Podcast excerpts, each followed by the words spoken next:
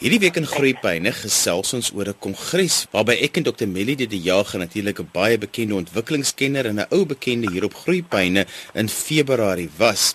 Nou iets wat baie interessant by hierdie kongres in Kalifornië en dit was daar in San Francisco gehou, wat baie interessant vir ons was is dat ouers nog steeds die beste vir hulle kinders wil hê, maar dat navorsing vir ons moet wys dat ouers ook baie versigtig moet wees oor dit wat hulle vir hulle kinders kies en om hulle gereed te maak vir wat die toekoms vir hulle inhou. Melody, dit was een van die groot besprekingspunte op hierdie kongres dat mense maar versigtig moet wees oor wat sê navorsing en wat is regtig die beste vir jou kind en hoe berei ek my kind voor vir die toekoms wat ons nog nie weet hoe dit gaan wees nie. Ja, en dit was dit was regtig vir my ook die grootste wegneem as dan nou wegneem ete was by 'n kongres dan was dit presies dit vir my ook gewees. Ehm um, die ongelooflike belangrikheid van navorsing, maar navorsing binne 'n perspektief van wat in die verlede gewerk het, gaan nie noodwendig werk vir die toekoms nie. En die belangrike ding is ons moet ons kinders gereed kry vir die toekoms. So ons kan nie altyd die resepte van die verlede vat en dit ehm um, aanhoudend bly toepas en hoop dit gaan ons kinders help om 'n lewe te lewe wat nog in die toekoms is. Een van die ehm um, um, die aanbieders het 'n ongelooflike sterk stelling gemaak. Hy het gesê elke 2 en 'n half jaar word verdubbel inligting.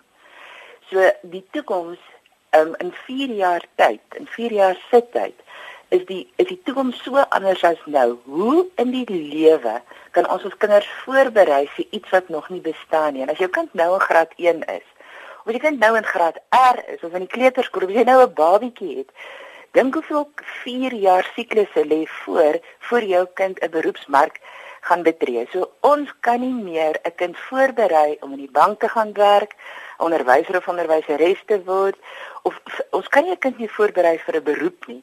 Ons moet hulle voorberei vir die lewe. En dit was vir my 'n ongelooflike perspektief skuif wat ek myself moet moet ondergaan. Kyk, in die begin was dit vir my ongelooflik. Die eerste vir die Vrydagmiddag het ek daar gesit en ek het net my mond het oopgehang, nommer 1 want Hulle gebruik nogal baie terme, terminologie wat vir ons bietjie vreemderig is. Ehm um, as ek net die Engelse woord kan gebruik, is malware jargon. En ek moes Google dat dit klap om by te bly om agter te kom waaroor gaan al hierdie woorde. En nou reken dan kom jy agter ons praat oor dieselfde goed ons sê net vir 'n ander woord of baie keer gebruik hulle 'n ander woord vir 'n ou ding en dan is dit sommer weer 'n nuwe ding. En wat wat my voor die kop getref het, is die mate waarin hulle ehm um, stellings maak soos daar is nie 'n ding soos leerstyle nie. Daar is nie 'n ding, daar's nie 'n wetenskaplike begronding vir iets soos dominansie nie. Leergereed, hoe in die lewe kan jy 'n kind leergereed kry in terme van skoolgereedheid of of enige iets soos dit. So ek het letterlik op my stoel gesit en en in mekaar gekrimp want soos wat hulle die stellings gemaak het spreker na spreker het ek gedink, "Oeps, daar gaan daai stukkie van my werk. Oeps, daar gaan nog 'n stukkie van my werk of navorsing."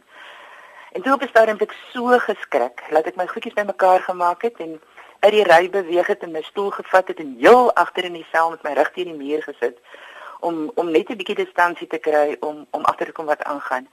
En dit het doen. Dit is net een ding wat een van die later sprekers gesê het, verskriklik belangrik is in 'n leerproses en ek het begin reflekteer. My geself gesê is dit wat ek my hele lewe lank nagevors het en toegepas het en ander mense geleer het om te doen. Is dit nie waar nie? As dan die leerstyle is nie wat in die lewe is ek nie besig is dan die dominansie is nie waarmee ek besig. As skoolgerietheid nie 'n regte ding is nie waarmee ons besig.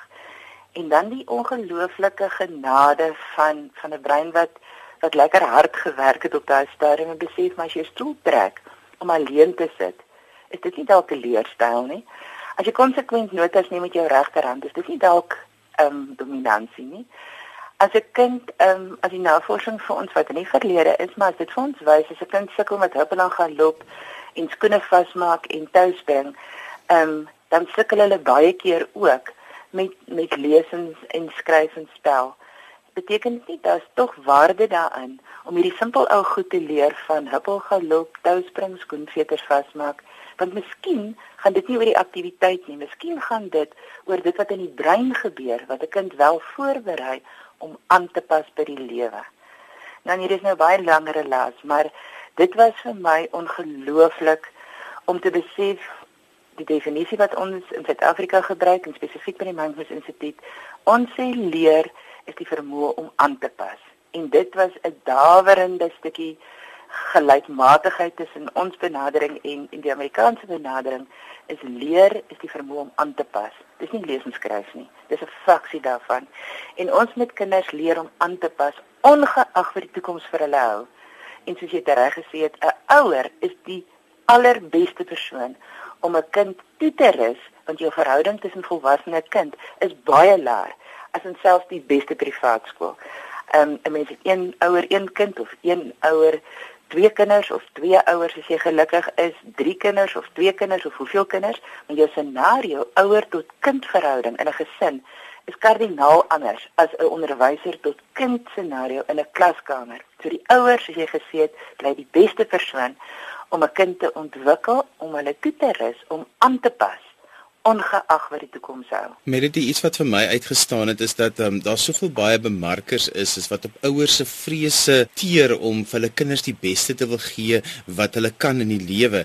En dan kom hulle met allerlei dit is die beste oplossing nou vir kinders. Hierdie ding moet jy nou vir jou kind. Jy moet nou oorfoon op jou maag sit om om vir jou babietjie al musiek te speel diskant bevrugting.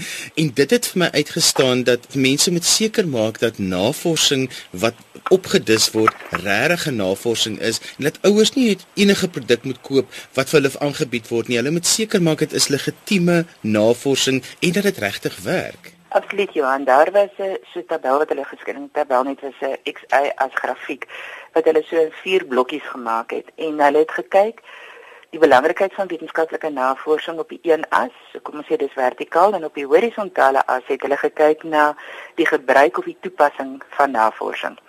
En die ding is, hier is twee stouterts. Die een is navorsing ter wille van navorsing. En daarvan het ek en jy baie gehoor. En Johan, ek moet nou vir jou sê dit was 'n absolute voorreg om hierdie konferensie saam met jou te kon bywoon. Al het ons nie in dieselfde lokale altyd gewees nie, net daai boodskap wat deurkom of as ons 'n kansie gekry het om net mekaar inligting te check in ons eie taal. Wat 'n voorreg. Dit was baie lekker om saam met jou daar te wees. Baie dankie. So as ons nou terugkom na hierdie um, grafiek toe. So die navorsing terwyl van navorsing is 'n ewel. Want en jy kry dit baie onder die akademisie. En dis geen kritiek nie, dis net 'n dis 'n stelling wat gemaak was daar en ek ek gaan nogal daarmee saam. Baie mense doen navorsing terwyl van navorsing. So in ander woorde dis lekker. Ooh, ek is self besonder gek oor navorsing. Dit is my lekker, dit is my lekker om goeders te weet en dit is baie lekker om jou stellings reg te hê. 'n Hipotese maak 'n stelling en jy bewys hom reg. Heerlik. Goed vir die selfbeeld, goed vir die ego. Maar wat beteken wat verander dit? Wat verander hierdie navorsing in die, in die toekoms? So nou weet ons hier's 'n probleem. Ja, ons weet daar's 'n probleem in ons onderwys. Dis nie 'n nuwe probleem, dit is nog altyd daar maar dit is baie groter op die oomblik en deel daarvan is omdat ons al hoe meer toets en al hoe minder onderrig. So in ander woorde, nou doen iemand navorsing, hulle sê ons toets te veel, ons onderrig te min. Wonderlik. En nou, wat gaan jy daaraan doen? So navorsing ter wille van navorsing is 'n stouterd. Op die ander aks is dit ehm um, presies wat jy nou net van gepraat het. Ander woorde kommersiële pro programme wat ontwikkel word wat teer op ouers se vrese en hulle hardverdiende geldjies uit hulle uitmergel op 'n manier want hulle kan inligting aanbied vir alles wat nogal charismaties is. Dan hulle 'n wonderlike um, verkoopsvermoë om 'n idee aan jou te verkoop. En as jy nie baie krities luister en die hele ou analitiese proses duidelik deurgaan en navorsing toets met hulle nie. Want kyk, hulle kan navorsing um, aanhaal, dit moet jy ook weet. Genadiglik sê die um, Amerikaanse president vir ons vreeslik baie van fake news. So daar's baie navorsing wat op die internet geplaas word wat geen navorsingsbasis het nie. So nou gaan hulle mense 'n stukkie inligting uit wat jou saak ondersteun en nou is jou saak absoluut reg.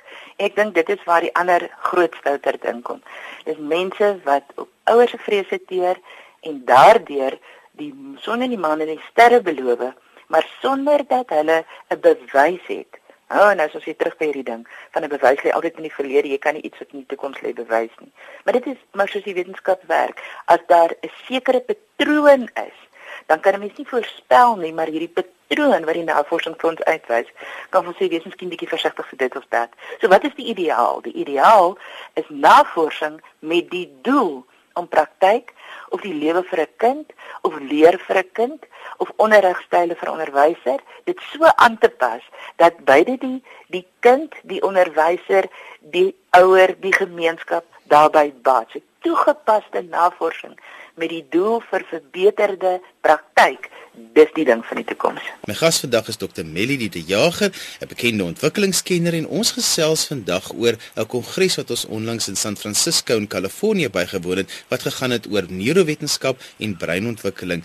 Melly die ander groot gesprekspunt op die kongres was waarvan ek dink ouers moet absoluut kennis neem is die vaardighede wat 'n kind gaan nodig hê om in die 21ste eeu te oorleef. Nou dit is nie net 'n uh, iets wat 'n mens ligtelik oor moet gaan nie want die toekoms weet ons nog nie hoe dit gaan lyk nie. Johan, dit was dit was baie snaaks en daar was 'n paar uitmuntende aanbieders wat regtig met humor baie goeie kwaliteit inligting oorgedra het en een van hierdie ding van hierdie ehm um, sake wat aangespreek was was die 21ste eeu se vaardighede. Daar's vier basiese vaardighede internasionaal geïdentifiseer, maar in die aard van die mens het die vier vir party um, lande en vir party groepe en vir party akademici gegroei tot 6 en tot 8 totdat daar nou 11 12 en 13 is. En dit was 'n Chinese aanbieder gewees op daai stadium wat gesê het wil jy uit China as well want alles het met 'n C begin dan is daar sommer nou 14 so die vier mees algemene vaardighede wat beskou word as dit is krities vir enige kind om in die toekoms te kan leef. Die ander ding is ook dit is die vaardighede waarop ons moet fokus in ons onderrig en aanbieding. Die manier wat ons kinders leer voor skools al sodat hulle gereed is om te kan aanpas by die toekoms. En vir daai rede moet die onderrig wat ons gee en die inhoud moet moet toepaslik wees om hierdie vaardighede te ondersteun. Jy sien ons het nog altyd baie sterk inhoudgedrewe gewerk en dan ons ehm um, aanbiedingsstyle en tegnieke bygesit. Die fokus het hulle regtig op hulle kop gedraai. Hulle sê, "Uh, uh daar's vier basiese vaardighede. Samewerking. Dit is ongelooflik. Samewerking is die primêre collaboration en teamwork. Is 'n Engels daarvoor samewerking is die nommer 1 um, ehm, vaardigheid van die toekoms. En Johannes interessant, want die wat die huidige bestek is ons so geneig om elke kind 'n individualis te kan maak. En dit moet oor ek gaan en ek moet beter wees en ek moet die beste wees en ek moet heel voorkom. Maar die navorsing sê, "Ag, uh, uh, samewerking, die vermoë om my impuls te kan beheer om ek ek wil reg wees en dan saam te kan werk, is krities vir die oorlewing op hierdie aarde." Kreatiwiteit en die en die benutting van verbeelding. Kreatiwiteit en verbeelding is nie 'n juffrou wat voor die klas staan of jy sê en nou maak ons so nie. Dis heeltemal 'n ander benadering. Die geweldige fokus op kritiese denke. Nie kom ek sê vir jou hoe werk dit? Nou gaan oefen dit en dan kom wys jy môre vir my jy dink presies soos ek nie. Nee nee nee, kritiese denke Kom ons vat dit dan, kom ons analiseer hom. Ja nee, dit was vir my ook 'n uitstaande ding dat hulle gesê het ons moet baie meer tyd spandeer aan die analise van probleme. As 'n kind 'n sekere klomp goed reeds onder die knie het, dan gee ons vir hulle regmerkies wonderlik. Maar ons prys die regmerkies geweldig ons spandeer tyd en aandag aan wat ken jy reeds verkeerd. Dis nie leer nie, slag geleer, slag verby. Die fokus behoort te wees op kom ons kyk na die foute. Kom ons analiseer die fout.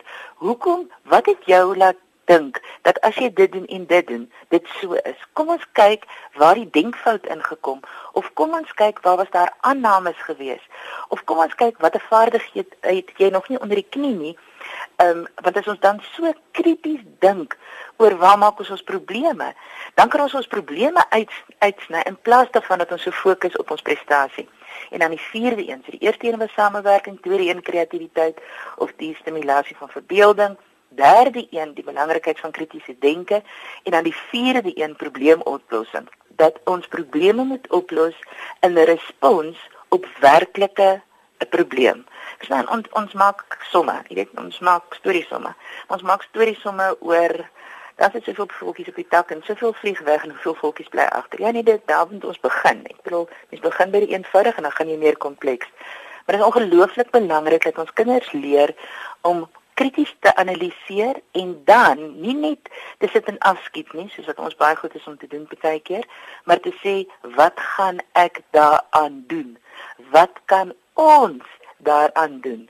Wat kan ons nog daaraan doen? En oor dis waar kreatiwiteit en pro um, probleemoplossing bymekaar kom. Maar daar's nie net een oplossing vir 'n probleem nie. Dit is daai een nie werk en dan is ons nou maar dan is dit nou maar so, nie weet nou moet ons dit maar aanvaar. Nee, wat nog? Hoe anders? Dit dit is eintlik 'n bietjie dink aan daai ongelooflike aanbieding wat jy ehm um, doen oor lees en waar jy die prentjies so elke keer zoom jy so klein bietjie meer in dat 'n mens wat is daar nog? Wat lê agter hierdie? Wat kan ons wat kan ons nog hier uit leer? Want as ons nie kinders leer om krities te dink nie dan gaan hulle altyd volg universeel nie net in Suid-Afrika nie. Dan volg hulle dit wat iemand anders uitgedink het en vir hulle opgedis het en hulle aanvaar dit as die waarheid o oh, en dan het ons goeie voorbeelde in ons eie land en elders waar as die leier dan vreemde goed baie keer sê of doen en mense aanvaar dit net dan sal daar nooit sosiale hervorming kom of daar kan nie verbetering kom nie. Hoekom nie want niemand is krities ingestel en kom met oplossings vorendag nie. Melody iets anders wat vir my ook uitgestaan het is dat hulle baie gepraat het oor inhoud wat kinders van inhoud is net oor daar's net so baie kennis wat kinders moet hê, maar dat inhoud altyd nou beskikbaar gaan wees op jou telefoon, dis naby aan jou, maar jou kommunikasie oor inhoud is eintlik die vaardigheid wat saam met die inhoud moet gaan. Baie belangrik Johan, dit is ongelooflik interessant geweest om te sien hoe die die fokus wegbeweeg van tegnologie vir tegnologie. Ja, jy moet tegnologies geletterd wees. Soos wat jy syfergeletterd en alfabetgeletterd moet wees. Jy moet weet hoe werk tegnologie. Maar kommunikasie want hoe kan jy hierdie 21ste eeuse vaardighede toepas as daar nie kommunikasie tussen mense is nie? En kommunikasie het, het, het verskillende fasette. Die deel daarvan is taal.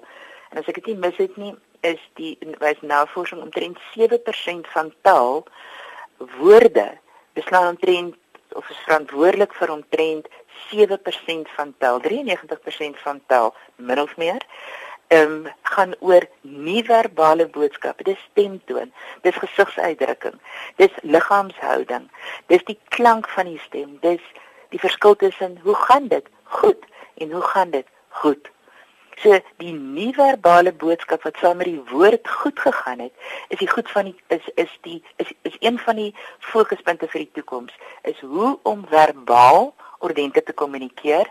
En ons kinders vandag enige onderwyser sal vir jou sê die kinders kommunikeer taalvermoë is ongelooflik vers, verswak en verstomp mense gesels nie met mekaar nie want jy jy lees nie jy kyk prentjies en jy kyk video's en en goed soos dit en die ander ding is um, jou vermoë om jouself skriftelik uit te druk.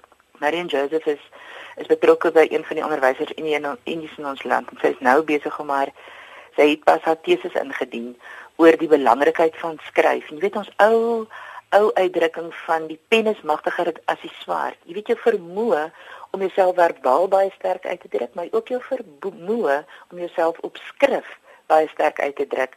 Ehm um, en deeglik en sodat mense kan aandag gee omdat daar so geraas is in terme van inligting, daar's so baie inligting. Wys die die die kinders sê vir ons, nou se daar is dit baie belangrik om te wys dat dit wat uit jou mond kom is beluisteringswaardig. Met ander woorde, 'n mens moet jou kredietwaardigheid verskriklik sterk werk daaraan sodat mense weet dat wanneer iets uit jou mond uitkom, jy jy praat nie om te dink nie, jy het reeds gedink en daarom kan dit wat uit jou mond of uit jou pen kom of uit jou vingers kom as jy besig is op 'n rekenaar, 'n mens moet daaraan kan aandag gee, maar dan moet mens eers daai vaardighede ontwikkel. En jy Johan, dis nou die lekker van kleuteronderwys. Die vaardigheid om te kommunikeer beide verbaal, nie verbaal en skriftelik word ontwikkel in die sandpit. Daar waar hulle met waterkoppies in 'n trechter gooi of daar waar hulle om 'n tafeltjie sit en hulle skep 'n prentjie. Nie hulle kleur 'n prentjie in wat iemand anders dit die dinkwerk gedoen het nie, maar hulle sit met 'n met 'n oop bladsy of hulle sit met 'n klomp bokse en niemand sê vir hulle wat om te doen nie. Daai prentjie wat hulle skep, daai sandkasteel wat hulle bou, is voorlopers vir skriftelike kommunikasie want hulle vat hulle hulle gedagte en hulle dra hom oor en hulle sit hom in 'n regte ding skepend van kasteel of 'n bokskonstruksie of 'n of of 'n fantasieklere aantrek of hulle doen dit op papier en hulle teken vir ons 'n prentjie. En daai prentjie wat hulle teken is eintlik 'n hele storie wat hulle besig is om te skryf. En as hulle hom klaar geskryf en dan lees hulle hom vir ons terug. So wat vir my ongelooflik was, Jan, ek ek weet nie of dit vir jou ook uitgestaan het nie. Maar in plaas daarvan dat daar soveel meer is wat ons moet doen en soveel meer goed is wat ons moet moet aanleer en wat ons moet koop, want jy weet, ons moet goed koop altyd dink ons sodat ons beter kan word. Was my grootste wegneem is dis eintlik die afskil van 'n ei.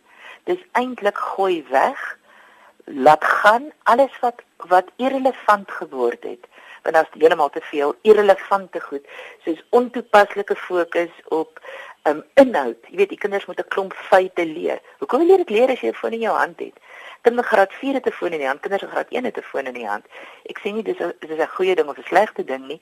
Ek sê net inligting is so beskikbaar, maar ons moet kinders leer hoe sif jy deur inligting om te besef hierdie is goeie en vaste inligting en hierdie is nie goeie en vaste inligting nie. So die fokus skuif heeltemal na vaardigheid eerder as inhoud. Iets wat vir my uitgestaan het en dit is my slotgedagte oor die konferensie is dat speel bly maar nog steeds die belangrikste, die beste manier vir kinders om te leer en dit is speel op hulle eie met voorwerpe en speel saam met pappa of mamma of ouma of oupa. Johanna kan nie met jou meer saamstem nie. Hulle het gesê leer is gelyk aan speel. 1981 het kinders 40% van hulle dagtyd, laerskoolkinders, was was speeltyd. In 1997 het dit gekrimp na 25% toe. Daar was nie navorsing gewees om te sê hoe is dit nou nie. Ek het 'n vermoede as ons speel definieer as die ding wat jy daar buite kan doen, is dit nou minder as 5% vir die gemiddelde laerskoolkind. En miskien is dit hoekom groot mense meer en meer wil begin speel want hulle het nie genoeg gespeel as 'n kind nie. Melody as ouers met jou wil kontak maak, hoe kan hulle doen? Gee gou vir ons daai webadres. Die webadres is www.mindmoves.co.za. Dis en alwaar vir ons tyd het vandag. Onthou jy kan weer na vandag se groeipyne luister as 'n pot gooi. Laai dit af by rsg.co.za. Ons het vandag 'n bietjie gesels oor 'n konferensie wat ek en Dr. Melody die Jager, ontwikkelingskenner in San Francisco in Kalifornië bygewoon het oor breinontwikkeling en neurowetenskap. Skryf gerus vir my e-pos by groeipyne@rsg.co.za. Dan groet ek dan vir vandag tot volgende week van my Johan van Lille. Totsiens.